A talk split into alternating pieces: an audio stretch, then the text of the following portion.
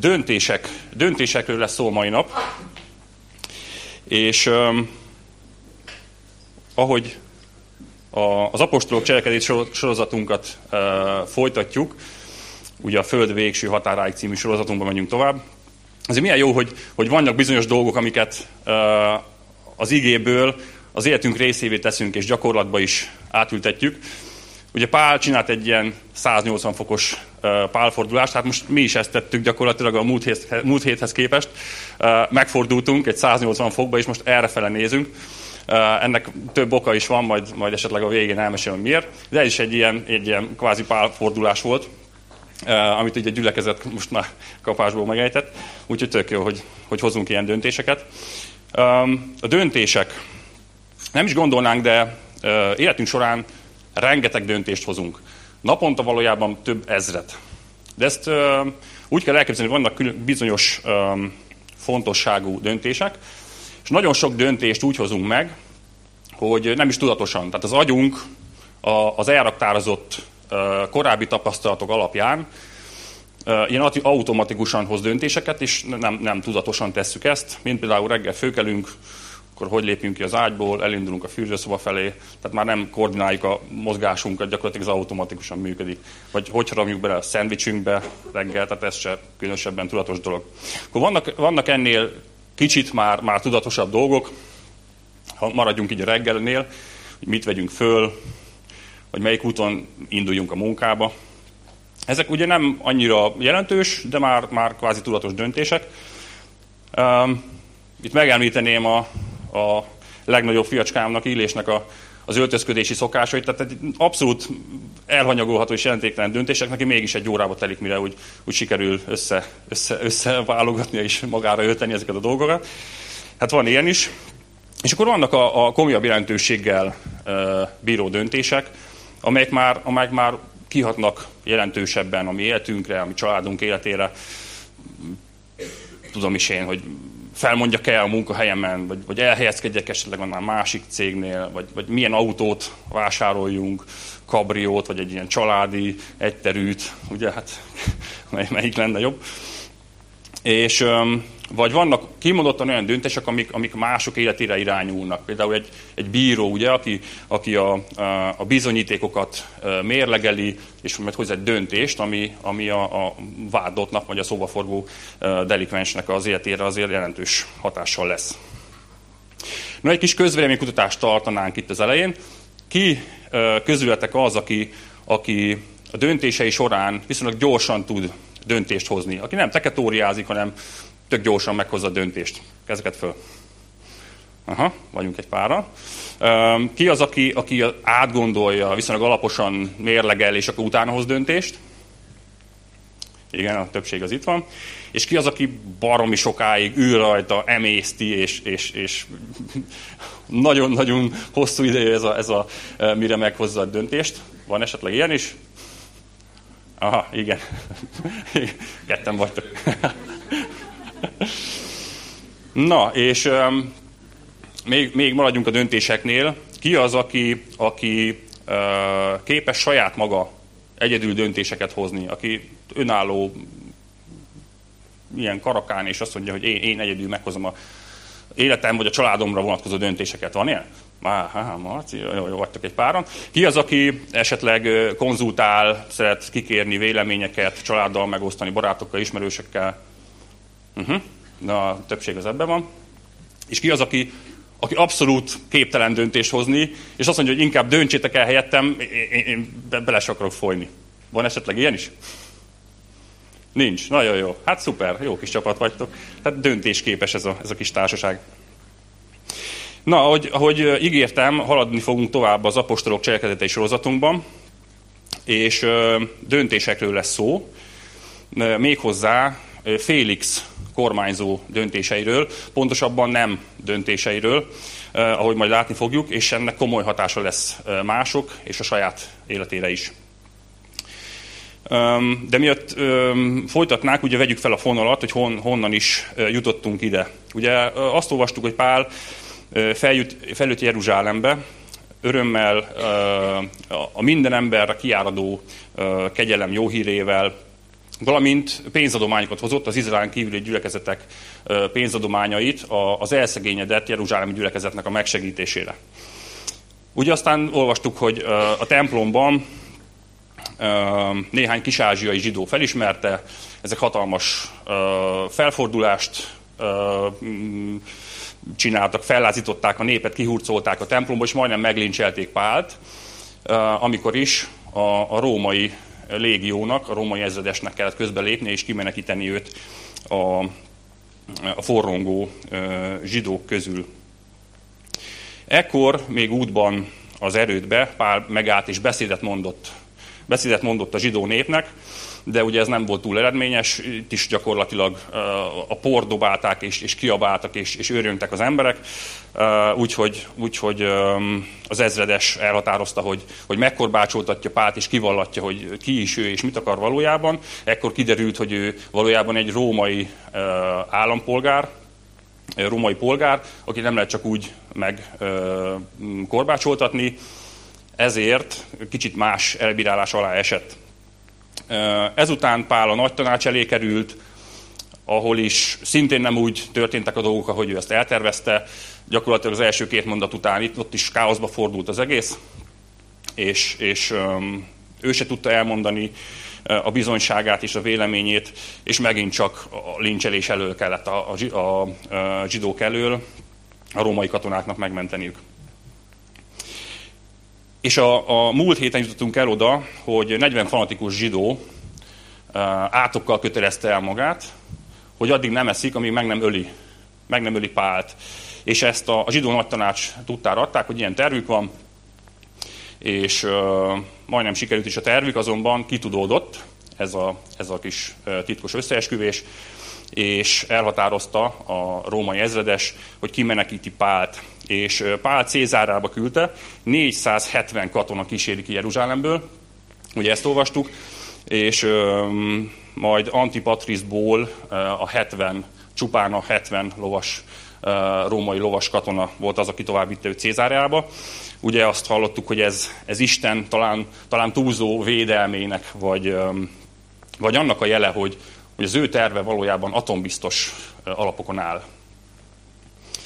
és, és az olvasott legutolsó rész, leges legutolsó versében valójában már találkoztunk félix egy mondat erejéig, és az ő döntésével, ami így szólt, hogy ezt mondta Pálnak, majd meghallgatlak, amikor vádlóid is megérkeznek. És megparancsolta, hogy Pált a Herodes palotájában őrizzék. Tehát így mutatkozott be nekünk Félix, egy kapásból egy, egy döntésnek az elodázása, ami amivel így bemutatkozott nekünk. És akkor innen veszük fel a, a fonalat, hogyha van nálatok Biblia, akkor az apostolok cselekedet 24-es részének első versétől olvasom. Öt nappal később Anániás főpap néhány idős zsidó vezetővel együtt lement Cézáreába. Magukkal vittek egy Tertullus nevű ügyvédet, hogy ő mondja el a kormányzó mivel vádolják Pált. És itt megállok. Na tehát azt olvassuk, hogy, hogy felfogadtak ezek a zsidó vezetők egy ügyvédet. Ugye lebuktak, nekik volt egy tervük, hogy Pált így fű alatt elteszik lábalól, azonban lebuktak, a tervük nem jött össze. És, de azt látjuk, hogy nem adják fel, és egy új, új tervet eszelnek ki. És, és amit még látunk, hogy ez a gyilkos indulat, ez nem akar, nem akar múlni belőlük. Tehát ugyanez a gyilkos vehemenciával, ahogy, ahogy aljas módon összeesküvés szőnek és, és megölték volna Pált. Mm, most, most egy kicsit más irányba tereli az ő tervüket, de ez a gyilkos indulat ez megmaradt. És elgondolkoztam ezen, hogy de jó ég, hát ő mégiscsak egy, mégiscsak egy főpap, meg a, meg a zsidó nagytanácsnak a tagjai, akik a, akik a, a nép vezetői, uh, Isten útmutatásának a, a továbbadói, és, és, és hogy, hogy lehet ez, honnan ez a gyilkos indulat? És ugye erre kicsit magyarázatként szolgál az, amit már az előző tanításban hallottunk, ugye Anániásról, mikor először találkoztunk vele, hogy Anániás kvázi egy ilyen maffiózó pap volt. Nem az én jelzőm, ezt Attila is így használta, de, de egyértelműen látszik, hogy ő, hogy ő a, a világjáték szabályai alapján játszik. Tehát ő neki Isten egy cseppet sem fontos. Ő, ő csupán politikai hatalomként fogta fel ezt a főpapi pozíciót, és sajnos a, a, valószínűleg sok vallási vezető is így állt ehhez a dologhoz, és amit Pál képviselt, az, az nem is igazándiból a vallásukat veszélyeztette, hanem sokkal inkább a politikai hatalmukat. És ők ezért rágtak be, ezért, ezért ö, gőzöltek be ennyire. Megingatta a politikai hatalmunkat is, és ettől rettegtek, ettől féltek. És tehát ugye megváltoztak a körülmények, most arra, arra kényszerültek, hogy az emberi törvényeket betartva, de valahogy csak eljussanak a, eljussanak a céljukhoz. Isten törvényét nem is említem, tehát arra abszolút fittyet hányva mentek előre, és a saját fejük után akartak döntést hozni. Ugye, amit nem tudtak megtenni erővel vagy csalással, azt most a törvénynek a látszatával akarják. És felfogadnak egy, egy ügyvédet, egy, egy, biztos egy nagyon korrekt ügyvéd volt, ez a Tertullus, aki jártas a római jogban és eljárásrendben, buszáson megfizetik azért, hogy képviselje az ő ügyüket, azonban nem az igazság a céljuk, hanem csak is a győzelem ez esetben az, hogy Pált, Pált ugye elítéljék. És ugye ma is, ma is ismerünk ilyen, ilyen embereket, ilyen ügyvédeket, tisztelt a kivételnek, de, de nagyon sok bűnöző gyakorlatilag, hogyha sok pénze van, akkor kvázi hátradőlhet, mert, mert ez az ügyvéd engem úgy is felment, és az emberi törvények alapján nagyon sok mindent uh, el lehet dönteni, nem feltétlenül, feltétlenül az igazságosságnak a, a, a, az igazságosságnak megfelelően. Na, szóval itt tartunk, elindul ez a, ez a tárgyalás, e, és innen folytatom tovább a másik verstől. Amikor Pált elővezették, Tertullus elkezdte vádbeszédét. Nagyra becsült Félix, neked köszönjük, hogy hosszú ideje békében élünk. Bölcsességeddel sok fontos változást hoztál országunkban. Ezt minden körülmények között és mindenhol nagy hálával ismerjük el. De hogy ne raboljuk tovább az idődet, most arra kérünk, hallgass meg rövid beszédünket.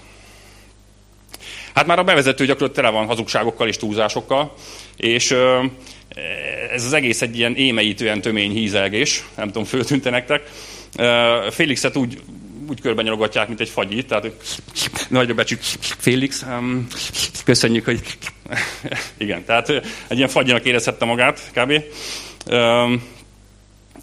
De ki is volt ez a Félix? Na ugye most, most találkozunk így elsőre vele. Ki ez a Félix? Teljes nevén, születési nevén, vagy, vagy felvett, nem tudom, Antonius Félix az ő hivatalos neve, és ő valójában rabszolgának született. Rabszolgának azonban uh, már gyerekkorában felszabadult, és neki volt egy, egy híres, hírhet testvére, Pallasnak hívták, aki viszont a majdani császárnak, Claudiusnak volt egy nagyon jó barátja. Tehát innen már érthető, hogy akkor az ő karrierje az, az, az ilyen exponenciális emelkedő irányt vett fel és ö, ö, brutalitás, csalások, ö, intrika és minden révén gyakorlatilag egy, egy, egy nagyon komoly karriert befutott. Ő volt az első rabszolga, aki egy ö, római tartomány kormányzója lett. Ö, Tacitus, aki egy híres római történész, így írta le Félixet, a kegyetlenség és a vágy ura, aki egy király hatalmát egy rabszolga mentalitásával gyakorolta. Szóval ilyen ember, ilyen ember volt ez a Félix, ilyen ember kezébe került most Pál. Mm, Palesztinában egyébként ez időtájt nagyon gyakoriak voltak a felkelések, a lázongások, ugye zsidó szabadságharcosok jöttek, mentek, és ez a Félix híres volt a, a véres kezűségéről és a brutalitásáról, és ezeket a, ezeket a, a lázadásokat iszonyatosan véres módszerekkel verte le és torolta meg ezeket. Tehát valójában a, a zsidóknak az utálatát és a félelmét vívta ki, nem pedig a tiszteletét, ahogy itt elhangzott ebben a, ebben a kis bevezetőben. Itt mégis hízelegnek neki, azonban Félix nem volt teljesen uh, hülye, tehát ő, ő sejti, hogy ezek a zsidók itt valamit akarnak. És már kíváncsi volt, hogy na, na mi sül ki ebből. Uh, és itt van ugye egyik oldalon Pál, ezen a tárgyaláson, a másik oldalon pedig a, a vádlói között Anániás és a kis, kis csoportja, ugye, aki a főtanács uh, részvevői voltak. És számomra annyira kontrasztos ez a két jellem.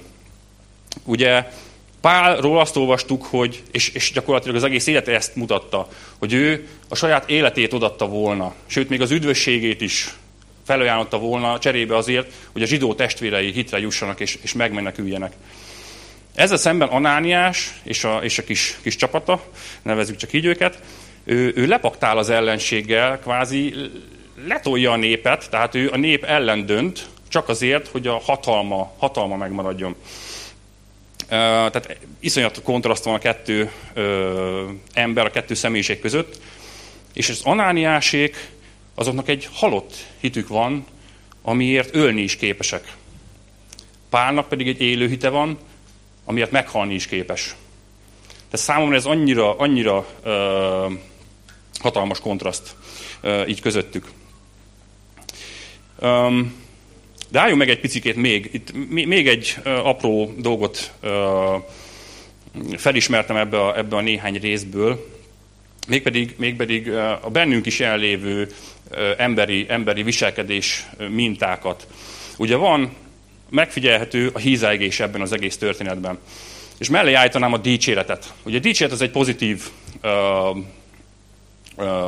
értelmű fogalom vagy, vagy tevékenység, míg a hízelgős, a hízelgés az kap egy ilyen negatív, negatív felhangot.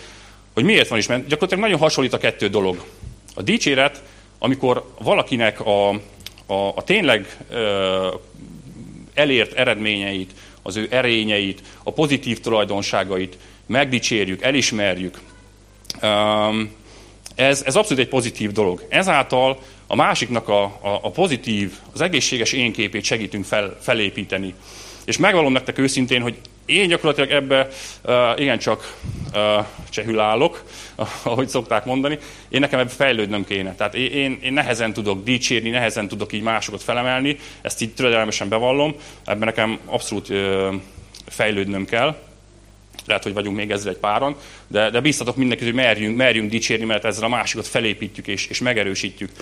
És ugyanakkor ott van a másik oldalon a hízelgés, ami, ami hasonlóan néz ki, mint a dicséret, de van az egész mögött egy mögöttes uh, szándék, amikor is valami, valami hátsó szándék elérése a célunk valójában ezzel a dicsérettel, és uh, így számítóan uh, valami, valami elérendő célból akarjuk ezt az egészet uh, csinálni. Ezáltal ugye legyezgetjük a másik egóját, önbecsülését, de valójában ezzel becsapjuk, és egy, és egy fals önképet, egy fals identitást erősítünk nála. A példabeszédek 29.5 egyébként azt írja, hogy aki hízeleg a másiknak, az hálót vet lába elé. Vagy más fordításban azt írja, hogy csapdát állít neki. Ugye? Tehát ez, ez egy nagyon veszélyes dolog, mert, mert eltorzul a másiknak az önképe. Azt hiszi, hogy tényleg, én tényleg ennyire jó vagyok, tényleg, tényleg fú, hát tényleg letettem az asztalra. Az közben a másik csak, csak valamit, valami pozitívumot akar tőlem, vagy valamit el akar érni általam. Tehát ne gyakoroljuk ezt. A, a másik dolog, ami szintén megfigyelhető, de kicsit elvonatkoztatva ettől a tárgyalástól, a szerep, szereplőktől, személyektől, csak próbáljunk bele gondolni, hogy mi is játszódik itt le, és gondoljunk akár egy közösségre, akár a mi közösségünkre, vagy egy másik, inkább nem a mi közösség, egy másik közösségre, mert itt nincsenek rossz dolgok, tehát egy másik közösségre, ahol, ahol elő, előfordulhat ilyen. Biztos mindenki hallott már olyan, hogy pártoskodás, meg kibeszélés. Vagy lehet, hogy nem hallottatok, vagy csak nagyon, nagyon távoli, távoli közösségekből. És ez is valahol egy hízelgéssel indul. Tehát ez is, ez is úgy indul, hogy fú, mi ilyen meg ilyen jók vagyunk, így felmagasztaljuk a másikat, de ennek az a célja, hogy, hogy minket is vele egy szintbe fölemeljük, míg van valaki más, akit viszont lenyomunk, akit lenézünk. Ö, és ennek, ennek gyakorlatilag az a, az a, az a célja, hogy, hogy ö, magunkat, a mi kis egónkat, a mi kis, kis érzéseinket tudjuk magasabb szintre emelni, és magunkat jobbként beállítani, mint amilyen, amilyenek valójában vagyunk. Hogy mondjak erre egy, egy nagyon egyszerű, buta kis példát, hogy van egy szeretett vendégség, jönnek a kis asszonykák, hozzák a kis süteményeiket, és mondjuk, ja, Jolikám, mennyire finomat sütöttél. Ó, oh, oh, köszönöm szépen. Kóstoltad már az enyémet? Én, én is ezt meg ezt sütöttem. Ó, oh, nagyon, te is nagyon ügyes, nagyon jó házi, ezt, hogy nagyon szakács vagy. Nézd csak ott azt a fiatal asszony, az nem hozott semmit. Fú, milyen asszony az ilyen. Ugye? Tehát ez az egyik de nehogy, nehogy csak nőkkel példálózzak, ez, ez férfiakkal, is, férfiakkal is megeshet. Ugye kemény, macsó emberek mennek a társadalmi munkába, és építenek valamit, vagy kertészkednek, vagy valami, és vergetik egymás vállat. Bocsánat, mi milyen jók vagyunk. Mi, mindig, minden egyes alkalommal itt vagyunk, csináljuk, keményen dolgozunk, de az a Béla, azt én még egyszer sem láttam itt. Az ne, annak mindig más fontosabb. Most, most remélem, hogy se Béla, se Jóli nincs itt közöttünk. Próbáltam olyan neveket választani, hogy véletlenül se sértsek meg senkit, de lehet, hogy magunkra ismerünk, hogy ezekkel a, ezekkel a kis sunyi kis megjegyzésekkel ugye elindul egy lenézés, egy, egy megvetés, egy, egy negatív gondolat a másik irányába. És mindez azért, hogy magunkat feljebb pozícionáljuk, hogy magunk, magunkat jobb színben tüntessük fel, és megnyugtassuk magunkat. Mi, mi azért jobbak vagyunk. Lehet, hogy nem vagyunk tökéletesek, de azért jobbak vagyunk, mint ez, vagy az. És az az én tanácsom, hogy szabaduljunk meg ezektől. Tehát ne, ne magasztaljuk fel magunkat, másokat sem. Nyilván, hogyha van egy pozitív eredmény, azt, azt ismerjük el és dicsérjük meg, de ne számításból, ne hátsó szándékból, és ne szidjunk senkit, ne beszéljünk is senkit, pláne a háta mögött, és, és pláne azért, hogy, hogy, hogy magunkat jobb színben tüntessük fel. És ne is ítéljük meg, és végképp ne ítéljük el a másikat. Úgyis ezek mind ékek, mind ékek, amiket beverünk, beverünk maguk közé, magunk közé, és ez a közösséget így egy idő után szétfeszíti, szét, széttöredezi. Nagyon sok uh, ilyen gyülekezet szakadást és, és uh, törést láttam, hallottam, megéltem, és ez mind ezekkel a kicsi dolgokkal indul. Úgyhogy ezektől óva mindenkit. És, de vissza, kanyarodjunk vissza a tárgyalásra. Ugye Tertullus ezzel a hízelgéssel és a kormányzónak a felmagasztalásával így oda, oda sompordál a kormányzó egy oldalra. Félix, elismerjük, elismerjük ezeket a, ezeket a hatalmas vívmányokat, amit elértél. Rend van az országban, és uh, gyakorlatilag um, mi, mi örülünk ennek a rendnek, örülünk annak, amiket te elértél. Itt vagyunk veled egy oldalon. De itt van ez a pál. Ő pont azt képviseli, ami, te, ami ellen küzdesz, amit tűzzel vassal írtasz, ő egy elítélendő ember. Gyakorlatilag itt már két párta szakadt a dolog, ők fősorakoztak Félix mellett, szegény pár meg ott van a másik oldalon. És így kitámad rá, és olvassuk tovább, hogy mit mond. Ez az ember nagy bajkeverő, aki az egész világon zűrzavart kelt a zsidók között. Ő a názereték csoportjának vezetője. Még a templomot is meg akarta szentségteleníteni, de ebben megakadályoztuk, és meg akartuk ítélni a saját törvényünk szerint. Liziász parancsnok azonban közbelépett, és erőszakkal kivette őt a kezünkből. Liziász azt parancsolta, hogy akik vádolni akarják, jöjjenek eléd. Ha kikérdezett, te is meggyőződhetsz azokról a dolgokról, amelyekkel vádoljuk. A többi zsidó vezető is bizonygatta, hogy Tertullus mindenben igazat mondott. Így van. Tehát itt három vádpontot látunk, amit megfogalmaz Tertullus. Az első vádpont az, hogy zűrzavart kelt, lázadást szít, mármint Pál. Nagy bajkeverő, és az eredetiben még durvább jelzőt használ, azt írja, hogy pestis, dögvész. Azért nagyon kis baráti jelzők. Pestis. Fú. Aki az egész világon, és itt értsétek azt, hogy a római birodalomban, hát Félix, Félix letolja, hogy azon kívül mit csinál Pál. Tehát ugye az egész világ az így a római birodalmat érti.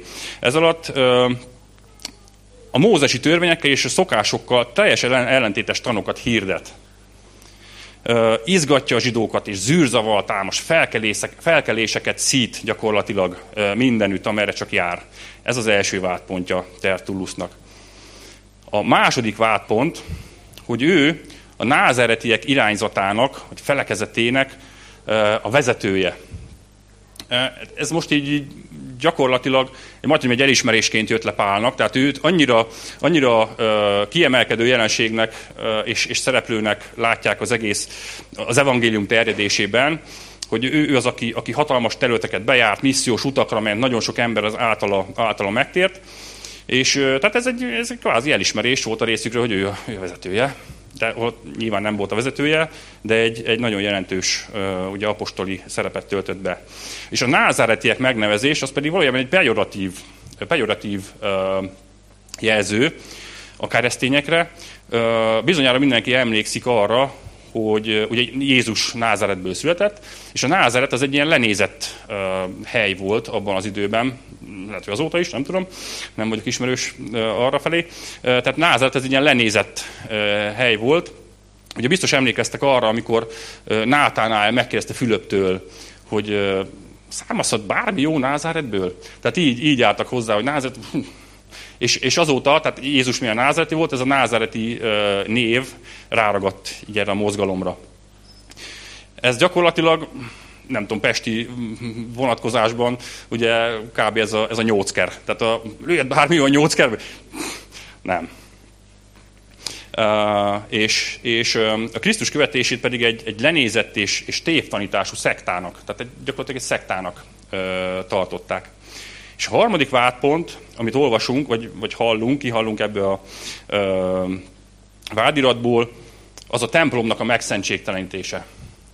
Na most valójában a, ezeknek a zsidó vezetőknek, noha ez se volt igaz, tehát tegyük hozzá, de ez volt az az ok, amiért a, a zsidók majdnem meglincselték szegény Pált, de előállt másik két vádponttal Félix előtt, hogy az talán megüti az inger küszöbét, és talán az alapján elítéli, de nekünk valójában ez volt a problémánk vele, hogy ő, ő, ő megszentségtelenítette a templomot, de még egyszer hozzáteszem, tehát ez se volt igaz. És akkor ö, olvassuk tovább. Amikor a helytartó intett, hogy most Pál következik, ő is beszélni kezdett. Félix kormányzó, tudom, hogy hosszú évek óta vagy már ennek a népnek a bírája, ezért örömmel védekezem előtted a magam dolgában. Semmi émeítő hízelgés, semmi hatalmas nagy szavak.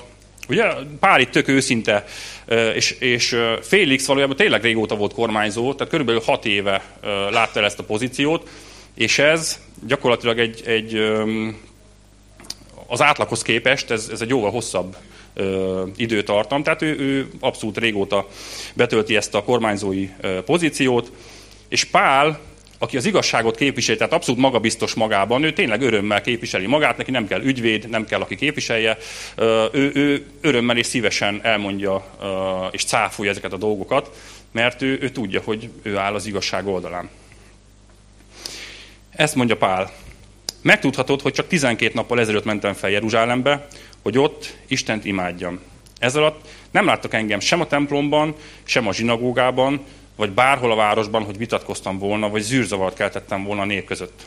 Azt sem tudják bizonyítani, amivel most vádolnak. Ugye ez volt az, az első vádpontnak a, a cáfolata. Tehát pipa, tehát megcáfolta, ugye azt mondja, hogy 12 nappal ezelőtt ment fel csak Jeruzsálembe, ez, ez baromi kevés idő arra, hogy bármiféle komoly lázadást vagy felkelést szítson, nem beszélve arról, hogy ő a, a nazireusi fogadalom utáni tisztulási szertartáson vett részt a templomban, tehát sem a zsidó törvényeket nem szekte meg, sem, semmiféle lázadást és felkelést nem szított. Um, ennyi. Tehát gyakorlatilag vádolta, vagy cáfolta az egész, egész uh, egyes vádpontot. És akkor most térjünk át a kettes vádpontra, arra mit mond. Azt elismerem, hogy atyáink Istenét olyan módon tisztelem, ahogyan Jézus útjának követői. Akik engem, vád, akik engem vádolnak, azt gondolják, hogy ez nem helyes. Én azonban hiszek mindabban, ami Mózes törvényében és a proféták könyveiben megvan írva. Ugyanazt várom és remélem, mint az én vádolóim, hogy Isten egy napon feltámasztja majd mind az igazakat, mind a gonoszokat.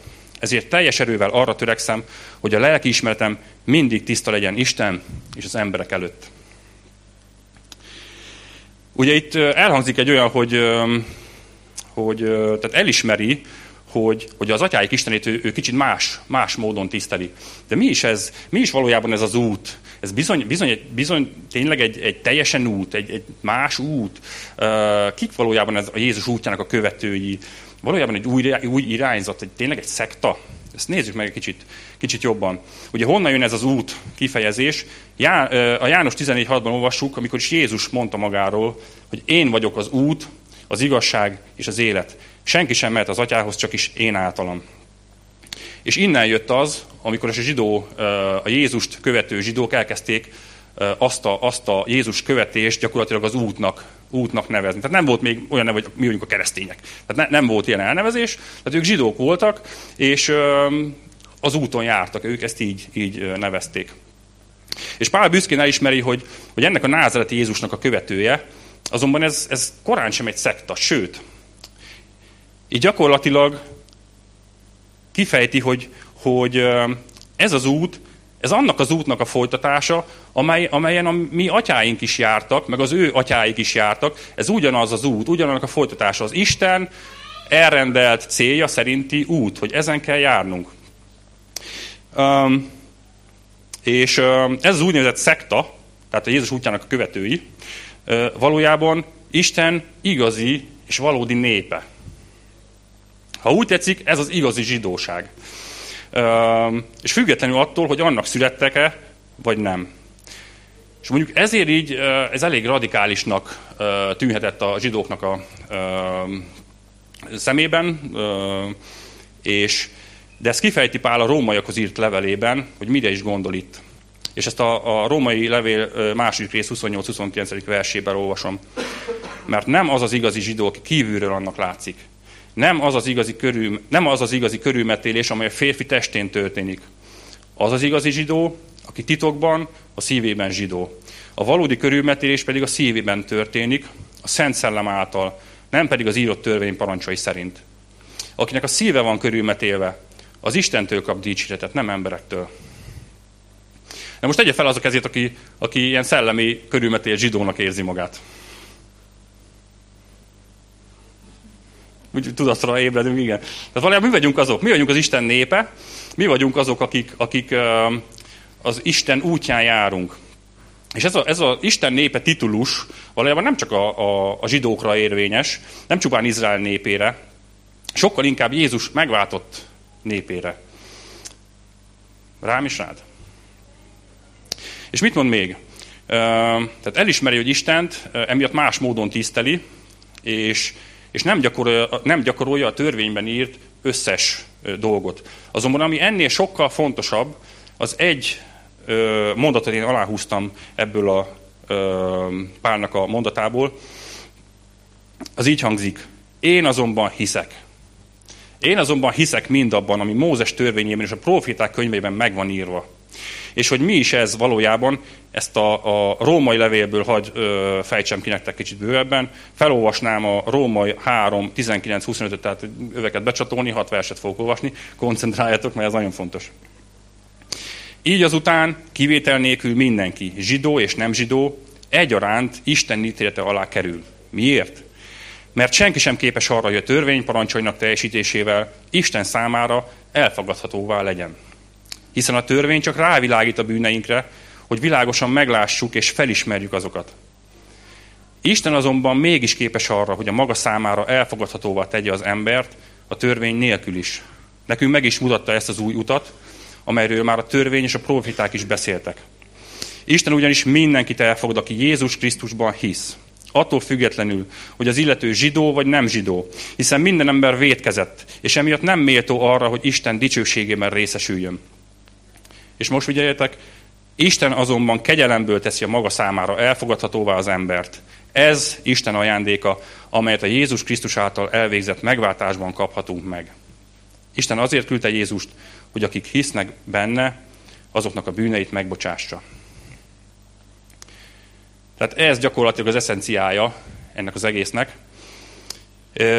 Pál, aki kiválóan ismerte az írásokat, ugye tudjuk róla, hogy a farizeus volt.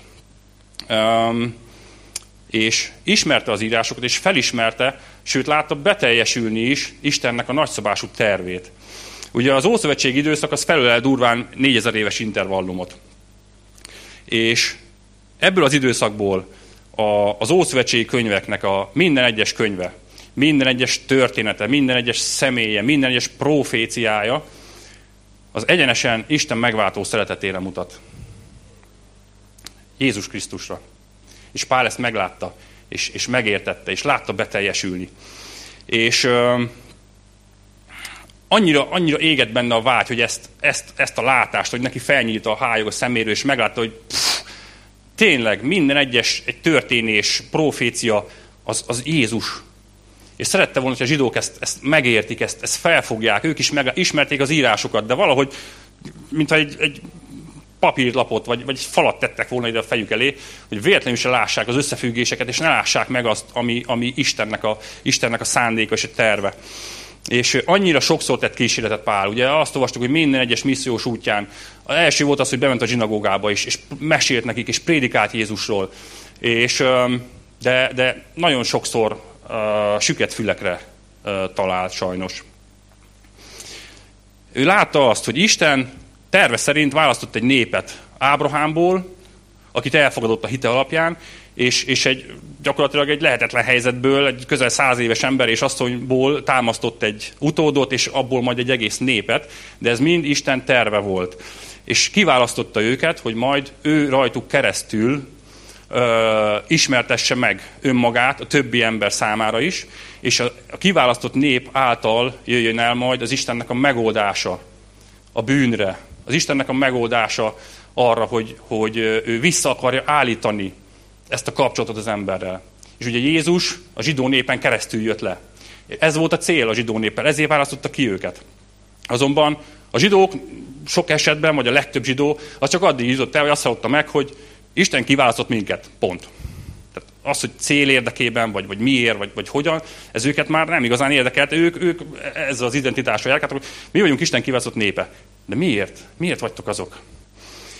És ugye Pál azt szerette volna, hogy megértik, hogy, hogy mondjatok egy szép, szép virágot. Milyen kertész? Mondj egy szép virágot. Barna. Rózsa, vagy, vagy valami hasonló. Tulipa, horten, nagyon szép. Mint egy hortenzia. Képzeljük, Istenben gyökerezik. Utána szára, szára lesz, leveleket hoz, és a végén tetén megjelenik egy, megjelenik egy bimbó. Na ez a, ez, a, ez a bimbó, ez a judaizmus. De ez gyakorlatilag Isten tervének a része, de ez még csak egy előkép, ez még nem a vége a történetnek. Ugye mikor lesz vége? Mikor kinyílik. És egy szép hortenzia, egy gyönyörű virág uh, ott pompázik, és ez Jézusban teljesedett be. És ezt szerette volna, hogy, hogy megértik, hogy uh, ez, a, ez, a, ez a bimbó ugye Jézussal kinyílt, és egy csodálatos virág lett, és ez volt való, Isten valódi célja. Ugyis az Istennek az a vágya az ő népével, hogy Jézus megváltása által kiáradjon a kegyelem, és eltörölje a bűnöket, és helyreállítsa velük a kapcsolatot, és ez volt, ez volt az ő célja. És, és Pál első körben ugye helyretette a zsidókat, hogy nem az a zsidó, és most értsük úgy, hogy nem az, Isten népe, aki a származása és ebből kifolyólag szokásai, vagy egy egyéb külsőségek miatt annak tűnik, hanem akit Isten a szent lelkével eljegyzett. És uh, most lehet, hogy ilyen eretnek tűnő gondolatokat fogtok tőlem hallani, uh, ne dobáljatok meg, uh, de nagyon erős párhuzamot vélek felfedezni e között, meg a között, amiben most vagyunk, a, a magukat kereszténynek valló emberek gyakorlatilag ugyanígy, ugyanígy viselkednek. És ezt hagyj fejtsem ki. Mi sem attól vagyunk keresztények, mert nálunk ez az államvallás, ez az elfogadott kultúra, és akkor gyakorlatilag ebbe alanyi jogon beleszületünk, meg vannak bizonyos szokások, amiket betartunk, és akkor mi már keresztények vagyunk. Ugye? Mert nagyon sok embernek ez a kép él a fejébe, hogy mi ebbe beleszületünk, keresztény kultúra, mi keresztények vagyunk. És ez főként most csúcsosodik ki. Ugye ez a nagy bevándorlás ellenes mizéria, ebben most nem akarnék belefolyni, mert nem akarok állást foglalni, ennél sokkal okosabb emberek vannak nálam, ők hozzák a döntéseket. De ebbe az egész mizériában nagyon sok véleményt lehetett hallani, akár személyesen, akár a médiában, arról, hogy, hogy amikor fröcsögő szájú emberek gyilkos vehemenciával mondják, hogy ide aztán be nem teszi egy menekültse a lábát, mert mi keresztény ország vagyunk, és azok is maradunk. És kérdem én, hogy ez a valódi kereszténység? Ilyenek a keresztények? Valóban attól vagyunk keresztények, mert elfogadott szabályok és normarendszer szerint élünk? Vagy valóban attól vagyunk keresztények, mert megtartjuk a, a, a valaha kereszténynek induló ö, ünnepeket, amik most már majd, hogy nem ilyen állami ünnepekbe mentek át. Karácsonykor megünnepeljük a karácsonyfát, húsvétkor megünnepeljük a piros tojás fehér nyuszit. Ettől vagyunk keresztények? Vagy attól, mert majdnem minden városban, meg faluban van egy ürességtől kongó templom. De tovább megyek, még attól sem vagyunk keresztények, hogy esetleg ez a templom tele van. Bár tök jó. Tök jó, ha tele van. De nem ettől vagyunk keresztények, hogy tele van az a templom. Vagy mi se attól vagyunk keresztények, hogy itt eljövünk vasárnapról vasárnapra, és akkor megtöltjük ezt a szép termet. Ö, attól vagyunk keresztények, mert mi elfogadtuk Jézus megváltását, és a Szentlélek eljegyzett minket. Istenhez tartozunk, Krisztus követjük. Ugye ezt jelenti a keresztény szó, de nagyon sok ember ezt nem is tudja. Mi Krisztus követjük, ezen az úton járunk. Most lehetnénk akár tök mindegy, hogy nevezzük, ez a nomenklatúra, ez teljesen lényegtelen. Jézust követjük. Ezt jelenti. Tehát értitek? Nem azért vagyok, megfordítom az egészet, nem azért vagyok keresztény, mert jövök templomba, hanem azért jövök, mert keresztény vagyok. Mert ismerem, és szeretem Jézust, és őt követem. És vágyok vele kapcsolatban lenni, vágyok az ő jelenlétébe. Vágyok találkozni vele. És vágyok veletek is közösségbe lenni, hogy egymást is erősítsük ebben. És ez, ezt jelenti azt, hogy keresztények vagyunk. Értitek? Tehát én azt érzem, hogy ahol Pál megreformált ezt a zsidó szót, ami jelentsen népet, vagy vallás, vagy bármit, ezt lehet, hogy nekünk is érdemes lenne megreformálni ezt a keresztény szót, mert ez annyira elcsépelt, és annyira uh, nem azt jelenti már, ami, aminek, aminek valójában indult. És mi ezen az úton járunk. És hogyha most itt vagy, és úgy hallgatod ezt, hogy te mi nem vagy benne biztos, hogy ezen az úton jársz, akkor én bátorítalak, hogy, hogy gyere és csatlakozz, és járj, járj ezen. Legyünk, legyünk a szó jó értelmében keresztények. És akkor térjünk vissza Pálnak a védőbeszédéhez. A 17-es verstől olvasom. Sok évig, volt távol, sok évig távol voltam Jeruzsálemtől, de most visszajöttem népemhez, hogy pénzadományt hozzak a szegényeknek, és áldozatokat mutassak be. A tisztulási szertartás közben talált rám a templom területén néhány kisázsiai zsidó, de nem volt körülöttem sok ember, és nem okoztam semmi zűrzavart.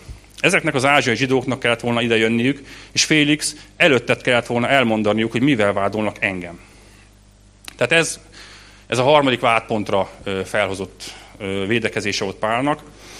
Ezt ugye a, a, a valódi, valódi látogatásának, vagy a látogatásának a valódi céljával cáfolja, Mégpedig azért, hogy, hogy feljött az ünnepre, feljött, hogy Istent ö, imádja, messziről jött fel, ráadásul ajándékot is hozott, illetve adományt a, a gyülekezet számára, és, és ő a nazideusi fogadalom leteltével a tisztulási szertartást végezte a templomban.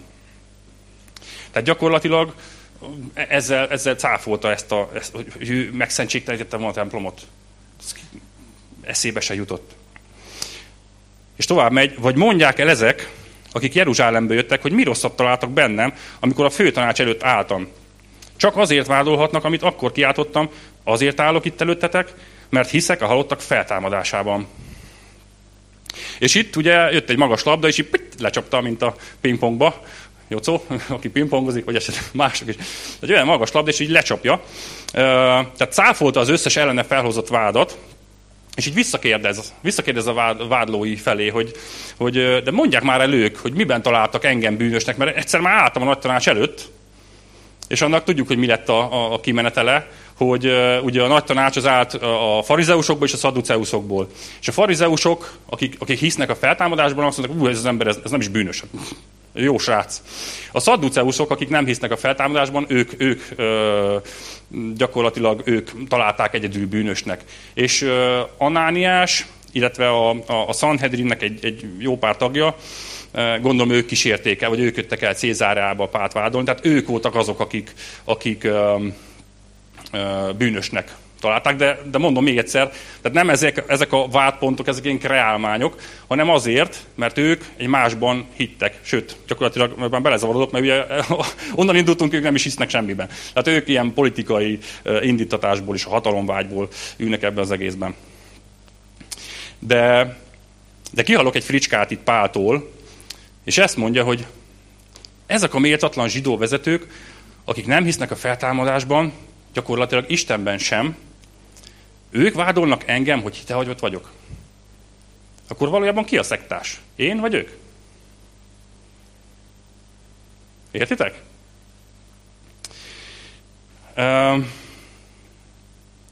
Na, gyakorlatilag ugye felhozták ezek, ezt a három vádpontot, Pál megválaszolta mind a három vádpontot, és cáfolta őket, tehát egyértelműen nem bűnös, egyértelműen ártatlan ezekben a dolgokban, sőt mindenféle dologban. És ezek után gondolom mindenki érzi, hogy akkor milyen döntésnek kellett megszületni. Na, ki akar fogadni, hogy milyen döntés születik. De menjünk tovább, jó? Ekkor megszólalt Félix kormányzó, aki már korábban is jól ismerte Jézus útjának követőit. Majd, amikor eljön Liziász parancsnok, akkor döntök az ügyetben. Ezzel befejezte a vádlók, és Pál meghallgatását. Na, gratulálok, ugye? Ez gyakorlatilag Szó sem volt arra, hogy Liziász lemegy Cézáreába, tehát ő ugye rábízta a döntés Félixre, írt is egy szép levelet, hogy ezt az embert ártatlanul találtam, de meg akarták ölni, bla bla bla, elküldöm hozzád. Szó se volt arról, hogy Liziász még lejön, és akkor még megvitatják. Egyszerűen Félix nem merte meghozni a mindenki számára evidens, helyes döntést, mégpedig azért, mert azt mérlegelte, hogy ezzel a befolyásos zsidó csoportok érdekeit sérti, és ezáltal így magára haragítaná ezeket a politikai erőket. Hát gyakorlatilag nem hozott döntést. A századosnak megparancsolta, olvasom tovább, a századosnak megparancsolta, hogy őrizzék Pált, de ne túl szigorúan. A barátainak pedig engedjék meg, hogy behozzák a börtönbe, amire Pálnak szüksége van. Na, ez meg mi? Hát, hogyha valaki bűnös, akkor ítéljék el. Mondják azt, hogy halált érdemelsz, vagy börtönt x évre. Ha valaki ártatlan, akkor meg mentsék fel. Mondják azt, hogy ártatlan vagy, menjen, mehetsz Isten hírével. Itt mi történik? Egyszerűen nem hoz döntést ez a Félix, és uh, börtönben is hagyja, de hogy ne is olyan uh, szigorúan fogják, meg engedjék meg a barátainak, hogy bejön. Tehát érzi ő, hogy mi lett volna a helyes döntés. Érzi ő, hogy hogy kellett volna dönteni, de, de de nem merte meghozni, de ugyanakkor a lelki ismerte, vagy nem tudom, valami arra késztette és ösztönözte, hogy akkor egy ilyen kis, kis lájtos feltételeket teremtsen Pálnak. De gyakorlatilag ezzel a könnyítéssel nem oldotta fel az igazságtalanságot, mert ez, valljuk be, ez egy, ez egy igazságtalan döntés volt, ami született. Félix egy gyenge jellem volt, és ebben a helyzetben ez meg is mutatkozott. Nem mer dönteni, halogat, időt akar nyerni, és abba bízza, hogy az idő majd megoldja valahogy ezt a problémát. Ugye? Nem tudom, voltatok-e ilyen helyzetben, vagy ismertek-e ilyen embert, aki, akinek ez a döntési mechanizmus a fejébe, hogy majd az idő megoldja, nem tudok dönteni. Ki az, aki közületek, ugye 18. évét betöltve, már volt szavazáson, jó, majdnem mindenki, akkor mondok egy másik példát. Ki az, aki iskolában írt már ilyen teszt, dolgozatot, ZH-t, közép vagy felső is? Igen, tehát majdnem mindenki akkor benne van ebben a halmazba. Ugye miről szól a dolog? Van egy kis rubrika, és tegye X-et a, a megfelelő helyre, amit te jónak gondolsz. Ismétek-e azt a, azt a latin kifejezést, hogy nomen est omen? Ki az, aki ismeri? Mit jelent? Igen, tehát a, a, a név kötelez. Igen, igen. Uh, gyakorlatilag azt jelenti, hogy nevében a sorsa, vagy a név uh, maga az ember. Tehát a, a név az beszédes, amely elárulja a, a hordozójának a, a tulajdonságait. És hogy miért mondom ezt? Ugye Félix gyakorlatilag egy hatalmas fél X.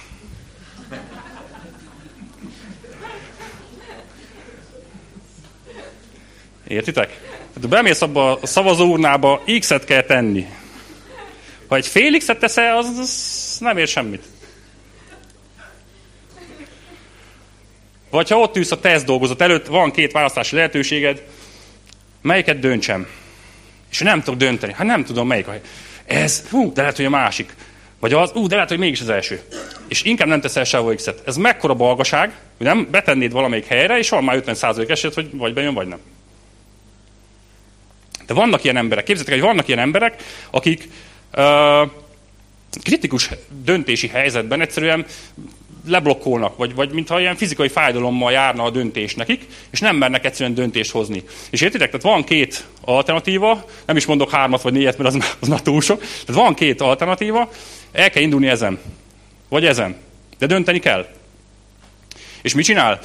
Ú, ha ezt választom, hát hogy, hát, hogy azon sokkal jobb lenne, akkor inkább választom ezt, de mi van, hogyha mégis, mégis, mégis azt kéne választani, mert az, az mégis jobb. És értitek ezt a dilemmát? Tehát nem mer lemondani egyikről se. Tehát vagy az A út, vagy a B út, de, de valamely, valamiről le kéne mondani azért, hogy akkor a másikon tudjon járni. És ő egyszerűen lecövekel, és nem megy sem erre. És az ilyen emberek, akik nem tudnak döntést hozni, gyakorlatilag ez, ez, ez nagyon szomorú, mert gyakorlatilag lemarad mind arról, tehát hiába hozott volna az egyik út valamit, a másik út meg valami mást, mind a kettőről lemarad, mert ő, ő nem bír dönteni.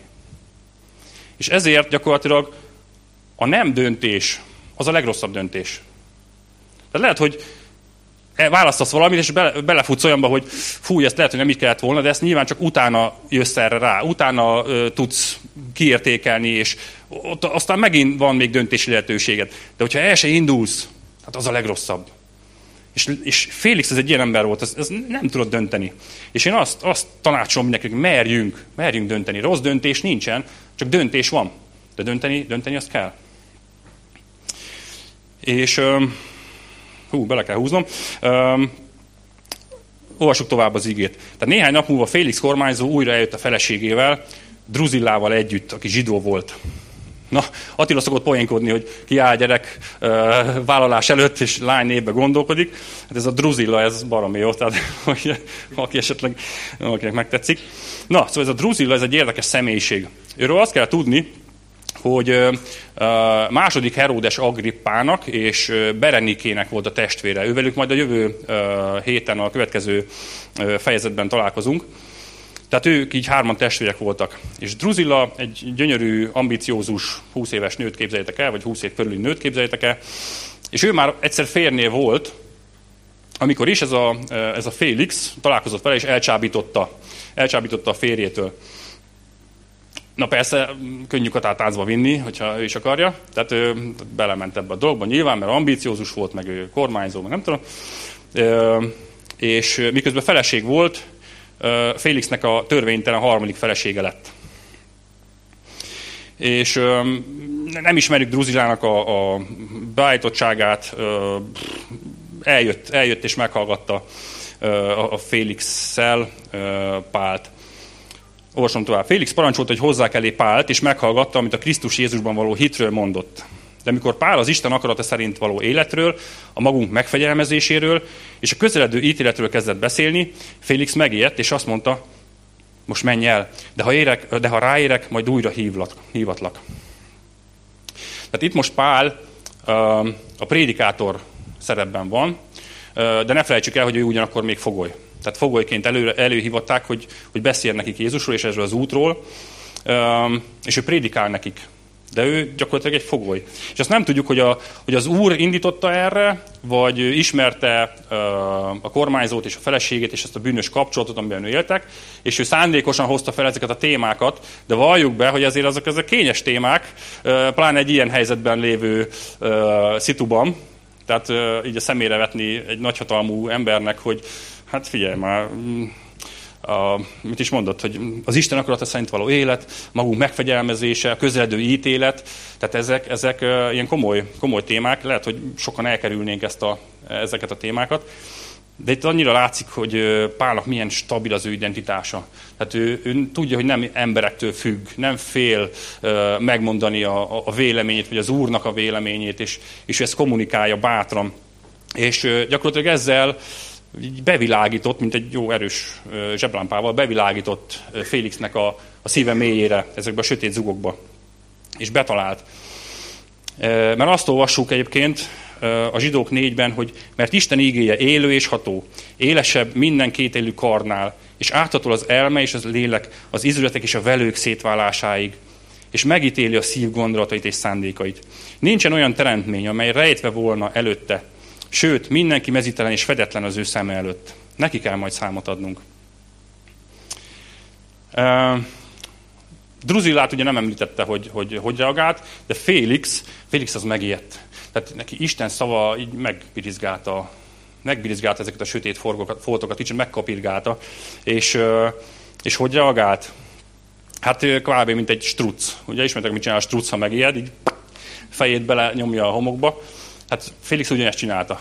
Azt mondja, menj el, most nem érek rá, majd, majd később beszélünk. Egyszerűen, egyszerűen megijedt.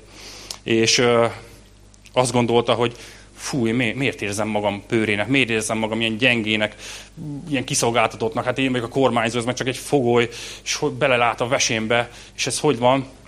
És ö, úgy döntött, hogy, hogy, ö, hogy nem akar ez egy probléma, és ő nem akar problémával szembesülni. Ő inkább, hogy oldja meg a problémákat? Inkább elbújik előlük, nem hoz döntést, de inkább ne is lássam. Ugye ilyen, ilyen ember volt ez a Félix. És um, Igen, ezek, ezek valós dolgok, és, és lehet, hogy így, így első hallások kellemetlenül is érintette Félixet, hogy, hogy főhozta ezeket az Isten akarata való szerint élet, Isten akarata szerint való élet, a magunk megfegyelmezése. Hát gondoljatok bele, hogy ő egy, egy hatalmas, pénzes kormányzó, bármit megtehet, egy bűnös kapcsolatban él, egy szabadosság, ami az ő életét jellemzi, e, és a közeledő ítélet. Tehát párnak fel kellett hívni a figyelmét a bűnre, ami elválasztja Istentől. Tehát nincs mese, tehát ezeket ki kell mondani. De ő ezt nem hallotta meg, csak a problémát hallotta meg, nem pedig Istennek a megoldását. És én szeretném nektek, szeretném nektek felolvasni, ami, ami Istennek a megoldása ebben a helyzetben. Ezt a János 3.16-17-ből, ezt mindannyian ismerjük, és ha kicsit furcsa lesz a szövegezés, az egyszerű fordítást annyira szeretem, ez így hangzik, mert Isten annyira szerette az embereket, hogy odaadta az egyetlen fiát értük. Azért tette ezt, hogy aki hisz a fiában, annak ne kelljen végleg elpusztulnia, hanem örökké éljen. Isten nem azért küldte a fiát az emberek közé, hogy elítélje őket, azért küldte, hogy rajta keresztül megmentse őket. És hogyha valaki még nem adta át az értét Jézusnak, azt gondolja, hogy neki annyi hibája van, vagy annyi a sötét volt az ő életében, hogy, hogy őt Isten tuti nem fogja így elfogadni. És ezért nem ismer hozzájönni. Akkor jól figyeljetek. Isten azt mondja, neked személyesen azt mondja, szeretlek. Tudom, hogy sok hibád van, tudom, hogy nem vagy tökéletes, de előlem ezeket nem kell elrejteni.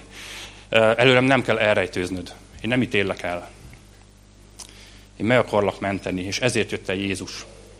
Ezt végezte a kereszten, és neked csak annyi dolgod van, hogy amit adok, azt elfogad. Az a vágyam, hogy megismerj engem, mint édesapádat, aki mindennél jobban szeret téged, akihez bármikor jöhetsz, bármilyen kicsi vagy nagy gonddal. Én mindig meghallgatlak, és minden problémádat meg tudom oldani. És nem tudsz olyat tenni, amiért kevésbé szeretnélek. Ezt mondja Isten. Így szól a mi szívünkhöz. És hogyha most Isten bárkinek megkapirgált esetleg a sötét zugokat, vagy a, vagy a lelkét megérintette, akkor, akkor csak az a tanácsom, hogy ne zárkózz be úgy, mint Félix. Ne zárkózzatok be úgy, mint Félix, hanem nyissátok meg a lelketeket. Mert Isten nem elítélni akar, ő nem azért jött, hogy elítéljen, hanem hogy megtartson és megmentsen, és helyreállítson. Mi két vers van ebből a részből. Ezt felolvasom. Félix remélte, hogy titokban pénzt kap Páltól, hogy, elenge, hogy engedje őt szabadon. Ezért gyakran hívatta és beszélgetett vele. És két év telt el így, azután Porcius Festus lett az új kormányzó Félix helyett, Pált azonban Félix nem engedte szabadon, mert kedvében akart járni a zsidóknak. Tehát Félix remélte, hogy titokban pénzt kap Páltól, milyen balga. Tehát sokkal többet kapott, mint pénzt. Sokkal többet. És ha nem is mondta ki, de ő valójában döntött. Félix döntött, és a világot választotta. De uh, egy nagyon, nagyon kemény dolgot ki kell mondani, hogy, ki kell mondani, hogy Isten, Isten az egy úriember. Ő rá lehet nemet mondani. És Félix nemet mondott. És ez lehetősége volt erre. De azonban jön majd valaki, akire nem lehet nevet mondani, hanem csak elragad. Jó? És ezzel nem ijeszgetni akarok senkit, de, de Félix, Félix itt rossz, rossz döntést hozott. Ő megkeményítette a szívét, elszalasztotta a lehetőséget, és bezárkózott. És azt olvasjuk, hogy két év telt el így, és többször találkozott még Pállal, de, de ez a vonat már elment. Már, már nem került abba, abba a helyzetbe, hogy, hogy ismét megadasson neki ez a lehetőség. Még egyetlen egy verset engedjetek meg nekem. Ez a zsidók négy hétből. Ezért Isten újra ad egy lehetőséget, és ezt így nevezi ma. Ma, ha meghalljátok Isten hangját, ne keményítsétek meg a szíveteket. Vagy a másik fordítás azt mondja, hogy nem akacskodjatok. Lehet hogy, lehet, hogy ez a lehetőség ez ma van. Hogyha nem hoztál még döntést, akkor ne halogass holnapra, mert Isten adott egy lehetőséget, és ezt úgy nevezi, hogy ma. Ez annyira, annyira csodálatosan hangzik. És uh, ne szalasszol el senki ezt a lehetőséget. Félix láttuk, hogy elszalasztotta, de bátorítalak, bátorítalak titeket, hogy merjetek Hogyha még nem döntötte Jézus mellett, akkor merjetek Jézus mellett dönteni. Hozzunk döntést. Hozzunk döntést még ma. És hogyha olyan ember vagy, aki, aki esetleg őrlődik a döntései következménye után, hogy, vagy a döntései után, hogy jó döntést hoztam, nem jó döntést hoztam, ezt kellett volna dönteni, azt kellett volna dönteni. Én garantálom nektek, hogy ez a döntés után biztos lehetsz benne, hogy jól döntöttél. Amen.